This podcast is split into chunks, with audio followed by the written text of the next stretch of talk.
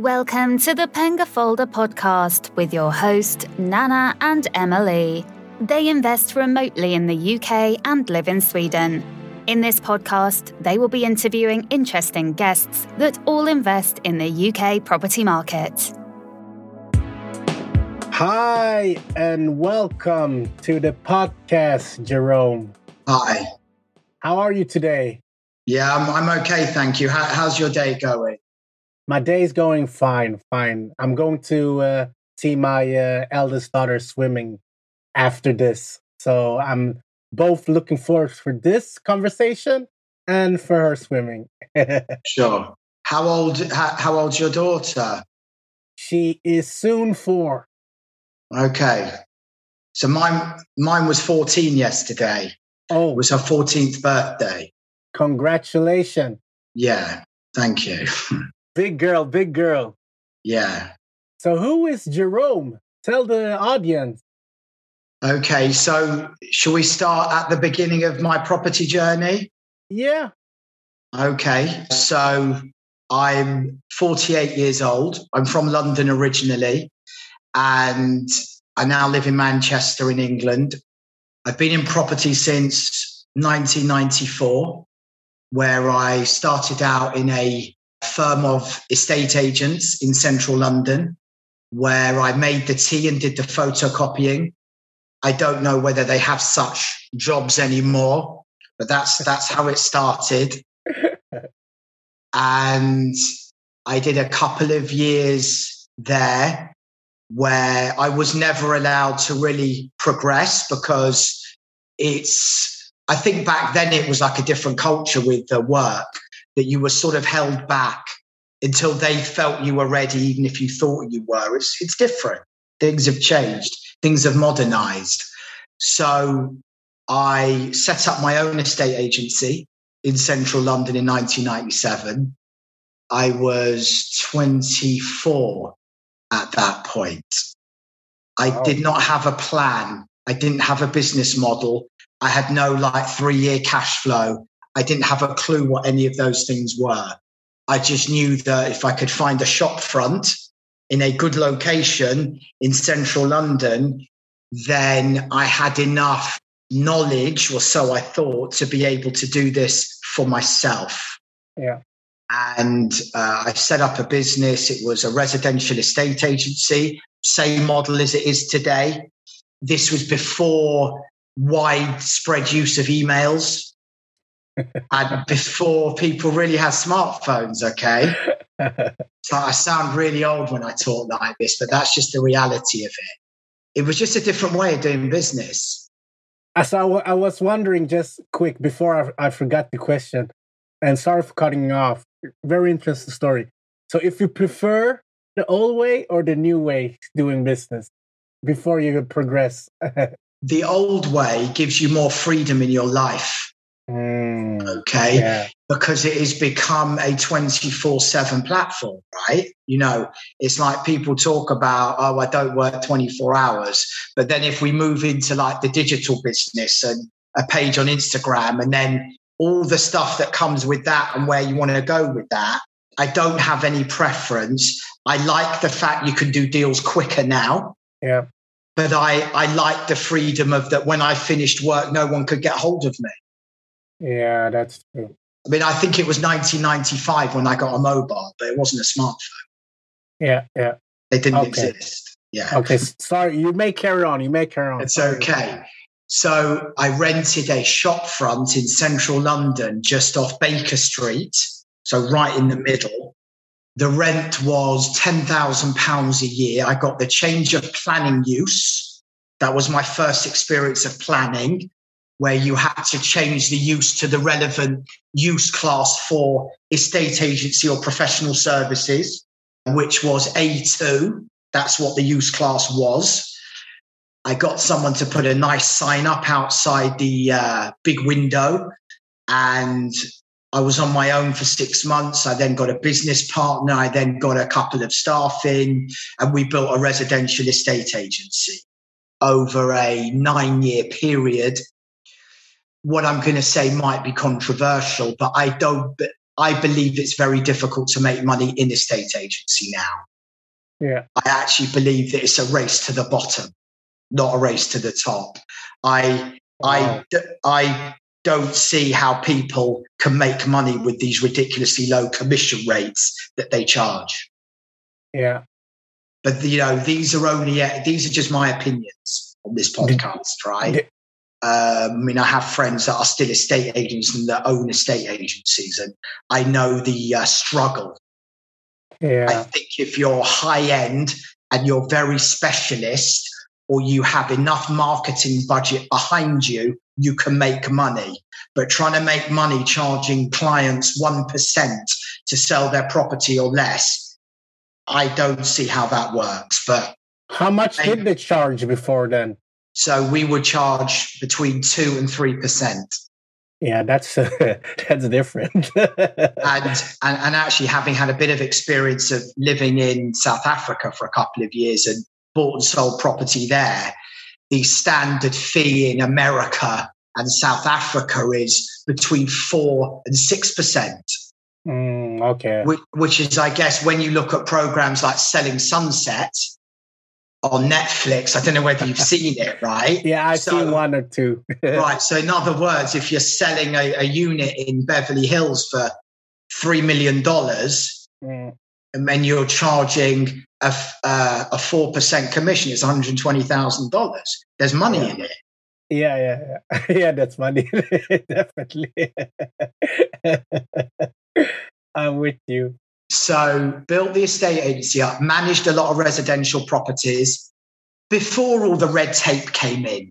You know, landlords licensing schemes, ombudsman, National Association of Letting Agents, uh, deposit protection schemes was completely different.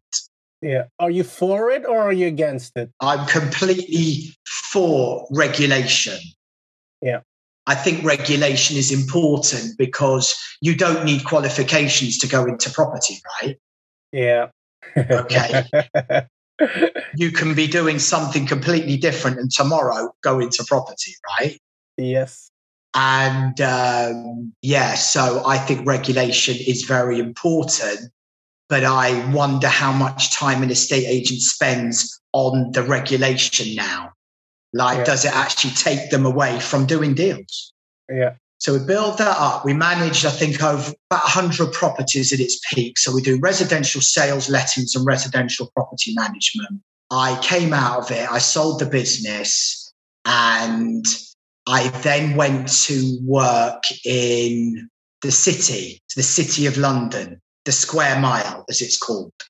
Yeah as I in uh, commercial property for a firm of chartered surveyors. So Royal Institute of Chartered Surveyors. I'd never been in that environment, heavily regulated, very corporate. And for people that don't know, the RICS, Royal Institute of Chartered Surveyors, is the gold standard in property in this country. Oh, wow.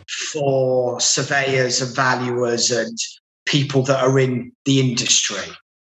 So it was a very well paid position. I had a young family at this point, And then I woke up one morning and the whole world had changed. You know, kind of a bit like COVID. It was the credit crunch and the collapse mm. of Lehman Brothers, Bear Stearns, and Northern Rock, and bank interventions here, which had never really happened before. And I went into work on a Monday morning and they said that your position has been terminated. And that was the first time that I'd had to think about where I really want to go in life. Yeah.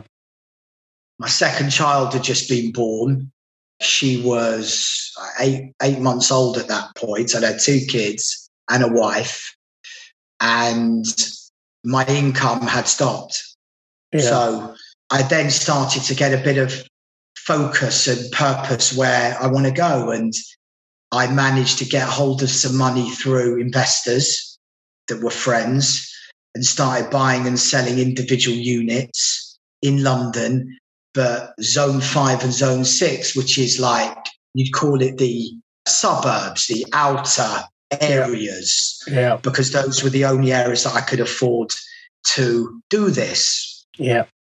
And that was my first experience of trading, flipping an asset Yeah. where, and I suppose development. So put a kitchen in, put a bathroom in, put some laminate wooden floor down and some IKEA furniture, right? yeah. and sell it for a, a profit. Yeah. And I then got approached. So fast forward to 2013 at this point, it was going okay. I wouldn't say that it was making exceptional money. It was all right, but it, it hadn't, it wasn't satisfying where I wanted to go. It wasn't satisfying my hunger and my ambition. Yeah. And I got a call from uh, someone I'd known for a long time 2013 was the beginning of the relaxation of planning regulations in this country, Mhm. specifically around permitted development, which you hear a lot of people talking about now all the time office to residential, commercial to residential. The reality is the process began in 2013 Yeah. there was a three year window that they brought in. And we started at the beginning of that window where the brief was get as many office buildings as possible in England Yeah. and go and get permitted development and convert them into residential apartments. Yeah. Now, just to kind of clear up a few things that people might be thinking about, people have been converting commercial buildings to other uses for decades. All that's happened now is it is easier to do it. Yeah. Okay, so it's nothing new, but it's quicker, and therefore you can earn your money quicker and refinance quicker. Yeah. That's what changed. So we delivered a couple of hundred units in a two year period in a number of office buildings by getting permitted development in 56 days. Wow. You still need to get full planning permission if you're making changes to the outside of the buildings or landscaping or putting cladding on so it doesn't just look like an ugly office building. People are going to live in it. Yeah. So it's not just about getting permitted development. I did that for a couple of years. I was living in Scotland doing that in uh, just outside Edinburgh. Oh. At this point, I'd got divorced and I had my kids with me. Okay. So I was a single dad at this point, Yeah. trying to focus on making money, but not losing sight of what life is really about. Yeah.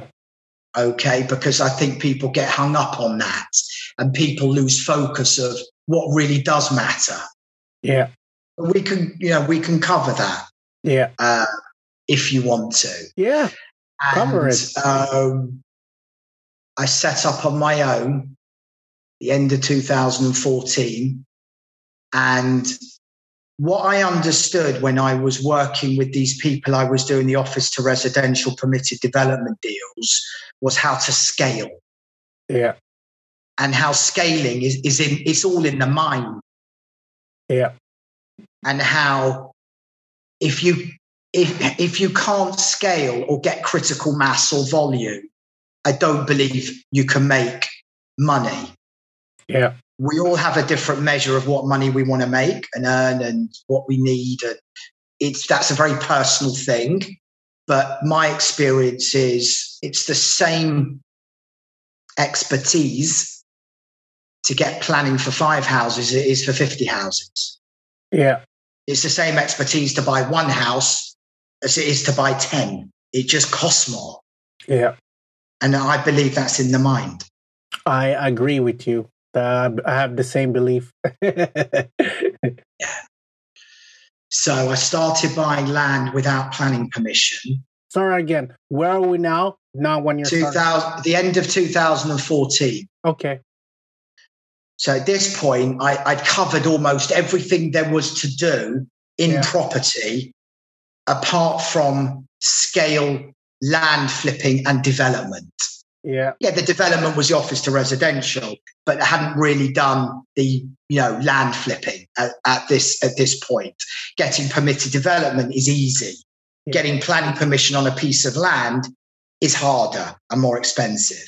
Yeah. So the model is and was to add value by buying sites without planning permission, which is what I do now.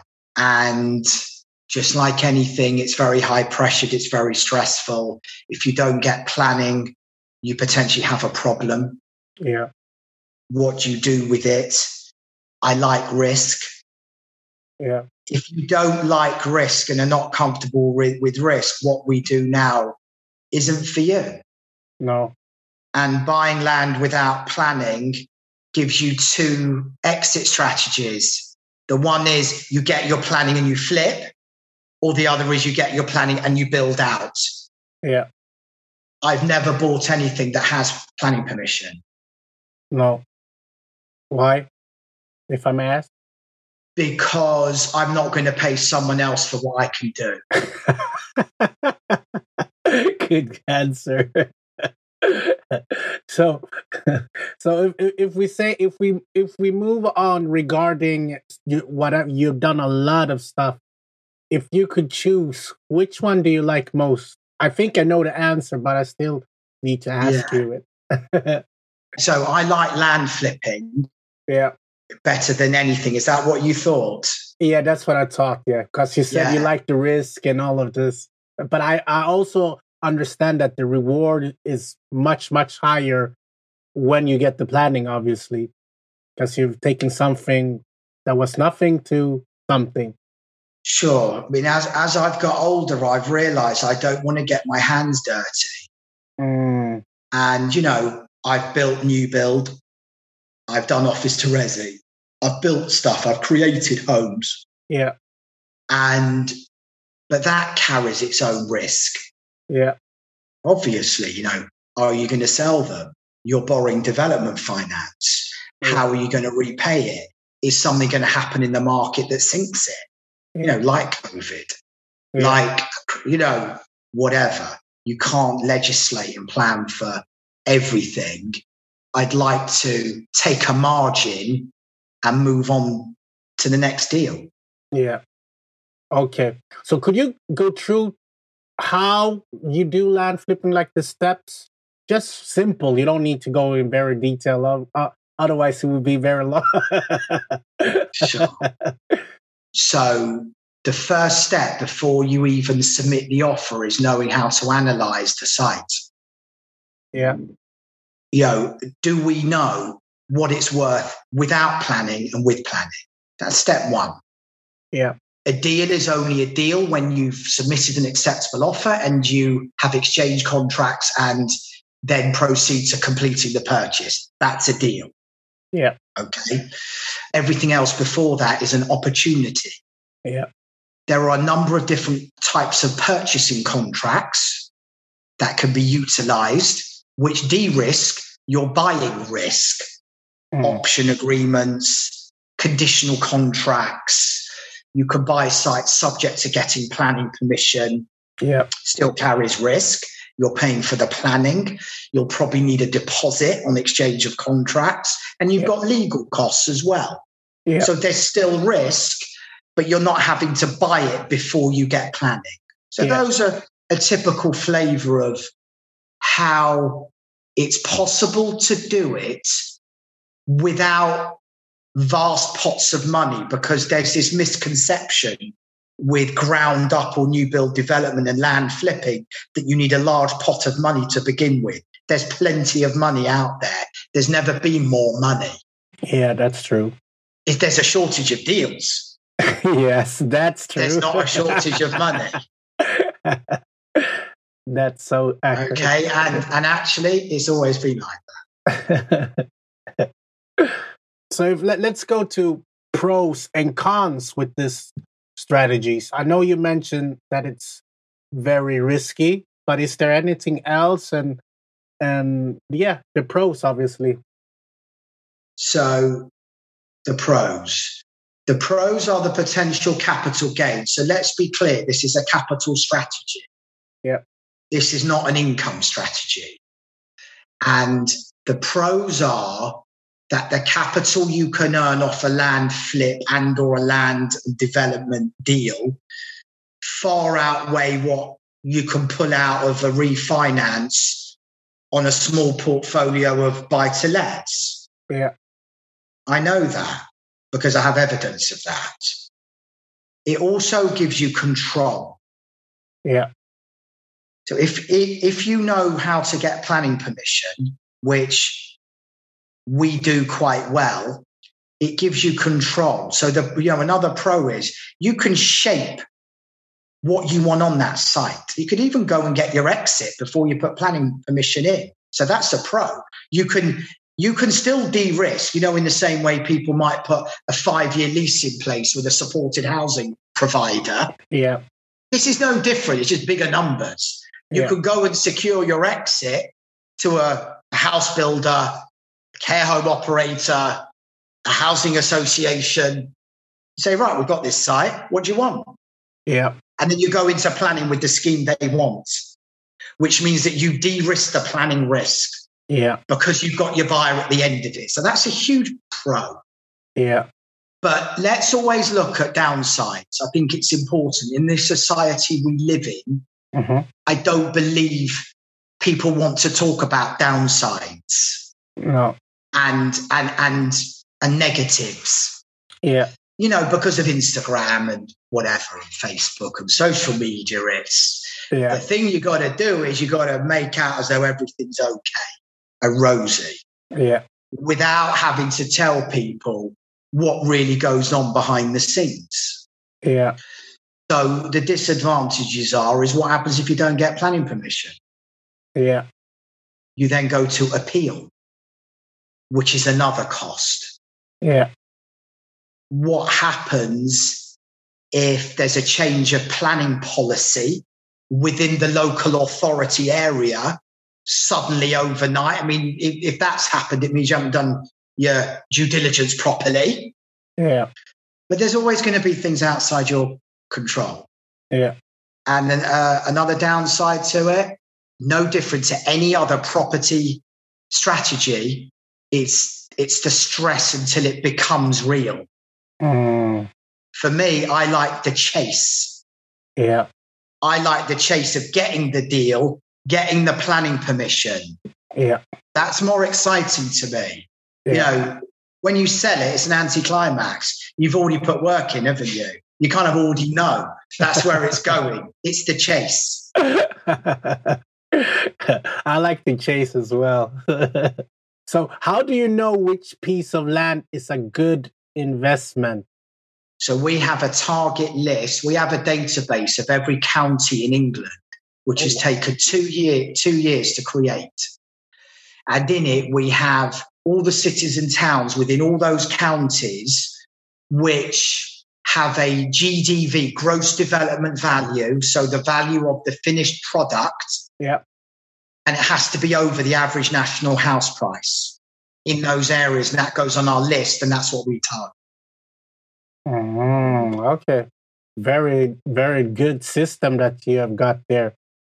So, where do you find the deals? Is it on websites or is it through that list that you mentioned? So we run a very big direct to vendor campaign every month, every week, which is, you know, has a very low hit rate. This is a numbers game. Yeah. Property is a numbers game. Because we've been it because I've been around for quite a few years, I'm fortunate enough to get opportunities from people off market. Let me just talk about off market very quickly Yeah. and just kind of squash the misconceptions Yep. or explain what I believe off market is. It's a it's an opportunity that has not been advertised. Okay. so and you're getting first crack at it. Yeah. So they might call you up and go, right, I've got this site. The guy, you know, the people want to sell. I'll give you a couple of weeks at it yeah. first before we put it on the market. That's off market. Yeah. We don't get involved in best bids, tenders, informal offer things and all the all the such like when we're up against five people. Yeah. I've done that. And it and it never ends well. For you or for them? in, in, my in, in my in my experience, I've been in those best bid scenarios when you have to submit a sealed bid or the agent's using your offer to get a higher offer out of someone else. I've done that. It's never worked for me. Yeah. So we just don't do it. Yeah. Okay. So important things to think of when you're doing your due diligence and analyze. What is that? Okay, so the first thing I'll look at is the GDV, so gross development value, so the comparable evidence of sales. I believe the only comparable evidence are sales. Yeah. I don't believe available properties is comparable evidence. But if that's all you've got, you work with that. Then I'll look at the planning. Can we get planning permission on it? Speak to the planning consultant. Is it in a flood risk area? Is it green belt? So if it's green belt, or if it's in a flood risk area, or the GDV is not high enough per square foot or per square meter, it's off the list. Yeah. Those are the three basic drivers for uh, for buying land. Okay. GDV, flood risk, green belt. That's in, in, in our world. Yeah. Okay. That that's what I do. If those three are okay, then we go to the next stage. Yeah. Can we get planning permission? If so, for how many units? Yeah. And then is it possible to get in and out of the site? What's the access like? Is it near a, a train station or an underground or a tram or a bus stop? Yeah. And then you go into local schools, local supermarkets, amenities, parks, gyms, because that will shape your exit strategy. Are you yeah. building for older people or younger families? Yeah. Yeah, that's it's a lot to think about. Yeah. So what are the common mistake people make when doing this? Not doing enough due diligence and knowing how to do it. There are too many people chasing opportunities that have no margin. Yeah. And the reason why they're chasing those slim or negligible margin opportunities is because they don't know how to analyze the deal. And the reason they don't know how to do their due diligence is because they've never been shown how to do it. Yeah.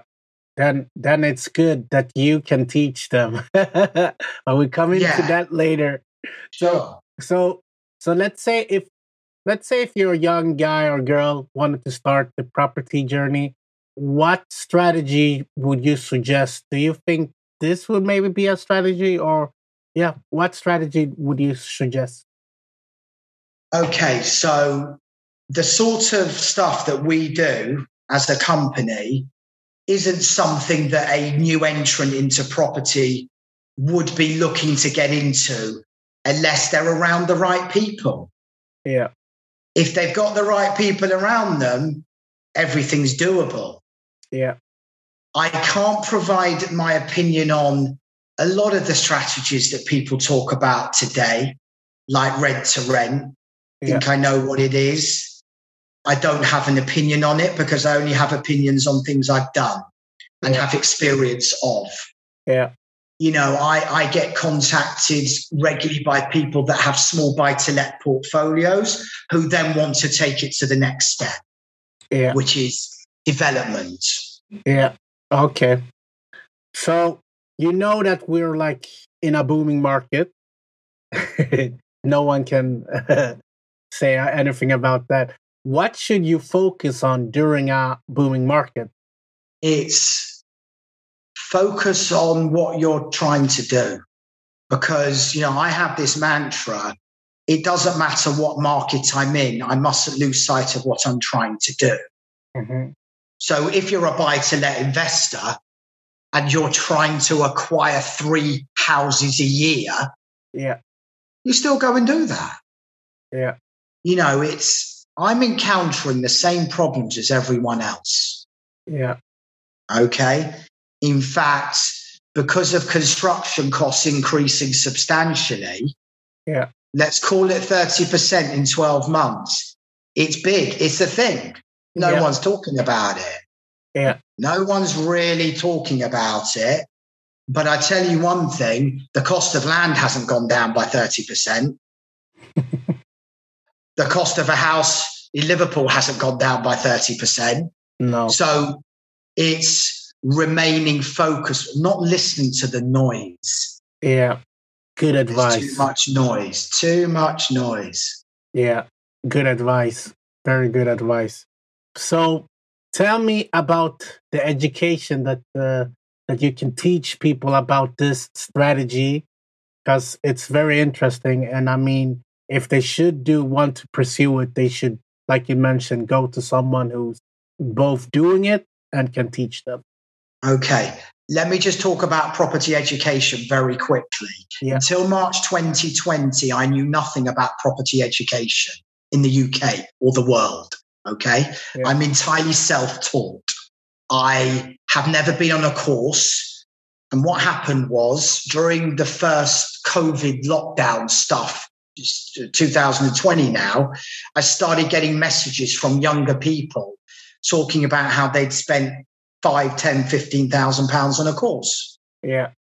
Now, I, I'm not, I understand that these courses might be perfectly okay. And if you don't follow through on it, then I understand you're probably doing yourself a disservice. Yeah. But I saw there was a gap in the market for property development. Yeah. Property development, very quickly in my world, is creating something. Yeah. It's building something from nothing. Yeah. It's taking a building and making 20 flats or buying a piece of land and building 10 houses. That Yeah. for me is development. So I created my own 10 module property development training program last year, Yeah. middle of last year, covering all aspects of new build and conversion development Yeah. Based on my own experience of my career. Yeah. And each module has a logical progression from mindset all the way through to marketing the development and marketing yourself. Yeah. Understanding how to raise bridging and development finance, which are the two products when you're a property developer. Bridging, development finance. How do you get planning permission? What contract do you use? How do you set a company up? Yeah. What is construction? Yeah. and it takes the clients through the journey of that process. And that's something I focus on a handful of days per month. Yeah. I wanted to make it affordable and real because I want to help people. Yeah. And yeah, you know, it's like the, the only way I learned was by making expensive mistakes. Yeah. And there's been loads of them. It's just all that happens. The older you get, the less mistakes you make. Yeah. Sad it couldn't be the other way around. it's, it's, it's a real shame, but you know, it's that thing about I actually believe that until you make a mistake, I'm not sure whether you can learn. yeah, I- that's true. You know, I, it's uh, yeah, it's a different culture. People are very fortunate now; they have access to really the answers to anything. Yeah. That's so true. That's so true. Yeah, okay. So wh- what is the name of how can I mean do, are you to say the name of or should we take it in the end? Sure. So you can go on my Instagram page, uh, Property Planning Game. Click the link in the bio to book a 15 minute discovery call with me if you're interested in becoming the next generation of property developers in this country. And it's two days of face to face learning, one to one with me, Yeah. including case studies, PowerPoints, infographics, downloadable resources. And the magic is the half an hour lifetime accountability each week with me on the phone. Oh wow. So you have access to me for the rest of your life for half an hour a week. Wow. So, because what I've learned with a lot of these courses going on in this country is that if you don't have accountability and you can't go back to the education provider, how are you going to know what you're doing? Yeah. Yeah. That's good. Good of you doing that. And I feel I can just imagine that people like that. Uh, they appreciate that. So Yeah. I'm gonna move on to my questions that I always ask my guests. So, one book that you recommend to your child, children, obviously you have two, and it doesn't have to be property. Okay, so I've always encouraged my kids to read because let's just give you a little bit of context into reading, right? Yeah. Because people read less now. Yes. Because you don't need to read. you can listen. Yeah. Like this. Yeah. and, and, and, you know, everything's available audio. Okay. So I've always tried to push the kids into the realms of reading um, autobiographies mm. about people that have done it. Yeah. Not theory books. So whether it's Tyson Fury, Eddie Hearn, Alan Sugar, Richard Branson, yeah, Elon Musk, could be Bruce Springsteen, Elton John, whatever you want, you know, whatever you like. Yeah. That's what I've always encouraged, and that's what I read. Yeah. Good, good choices. And one book for every investor. So I read a book called uh, by Malcolm Gladwell, which is the story of success. Um, Outliers, it's called. Okay, so it's not a property specific book, but I tell you why it's relevant to mm-hmm. property investment. I've never, I've never read a property book because mm-hmm. I'm self taught. Yeah, I'm not going to be foolish enough to say I know everything because far from it. I actually don't know much, and we're always learning. Yeah. But this book, Outliers by Malcolm Gladwell, is the story of success and how you can achieve it by doing things out of the ordinary. Yeah. Okay. So it could be Michael Jordan, it could be Elon Musk. Yeah. It's people that have made a difference to their lives and people's lives by taking a risk. And the reason why I believe it's relevant in property is because we use the term outlier when we're looking at buying a, a site. Yeah. I will look at a site that lies outside of the normal convention that might be what other people don't target. Yeah. That other people can't see the angle. That's yeah. an outlier. Yeah could be something that sits outside the town centre, outside the city centre. Great book, great read, real life case studies on people that have been successful by doing stuff that no one thought was possible. Yeah. And that then that comes into self belief, doesn't it? Exactly. And then it comes into where do you want to go in life? Yeah. Yeah. So, Jerome, do you want to cover something else that I've maybe I've missed? Okay, so let's let's talk very briefly about social media. Yeah, let's do you it. You know, it's a subject close to a lot of people's hearts now, and I'm a relatively new entrant into it. Yeah, and it's an incredibly powerful tool if it's utilized in the right way. Yeah, and part of what we do on our marketing module of the uh, development training program is talk about how you can use social media and digitalization to grow your business. Yeah. I, I, I, believe it's one of it's probably the one of the greatest inventions of all time. I believe it's up there with things like steam power and electricity. Yeah, I'm with you. I'm totally I totally agree with you but it is the Wild West. Yeah. It is the biggest unpoliced network on the planet. Yeah. It's not policed. No. And this is why the stuff happens that we all know about the mis-selling. Yeah. You know, the ungenuine information. I just urge people to. So before we deal with anyone, we do a forensic check on the individual.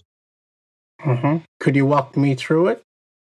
So, like when you approached me, yeah, okay, I looked at who you'd had on, yeah, and I'd listen to them, yeah, and I'd then researched those people you'd had on, yeah, and that's the level that we go to. Yeah. It's no different from doing DD on a deal. Yeah. And I did the same on you. Yeah. so it's good. Okay.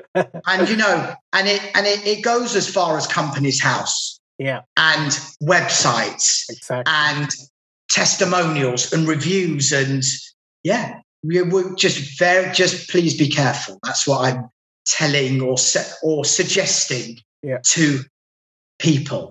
Yeah, that's very, very good uh, ending that you're saying that. So listeners and people who are looking at this, because me and my fiance always point out that do due diligence on people because there's so many scammers in this day and age. That's the downside with the social media.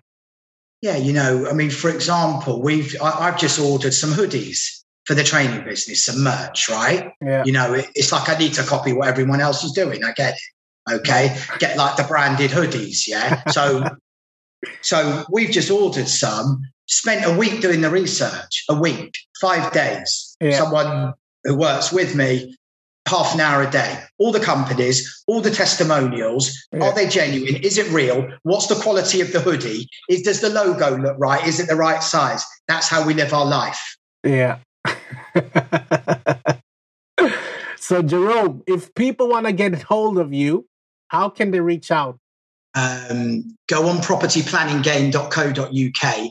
My mobile number's on that Hmm. because I believe in being available for everyone. Yeah. They can book the discovery call by clicking a number of links on that propertyplanninggame.co.uk. Yeah. They can slide me a DM on Instagram and yeah, Yeah. So thank you very much for all of this information. And I've learned a lot. And I know that the listeners and the viewers have learned a lot. And I hope you enjoyed it. And thank you for your time. Thank you for asking me to come on it. And I hope you enjoy your daughter's swimming lessons later. I will. It's the it's her first time uh, doing Wow. on her alone alone. So the mom is very like scared. Oh, we're le- we're leaving her alone. but it's all good for her own journey, right? yes, yes, it is.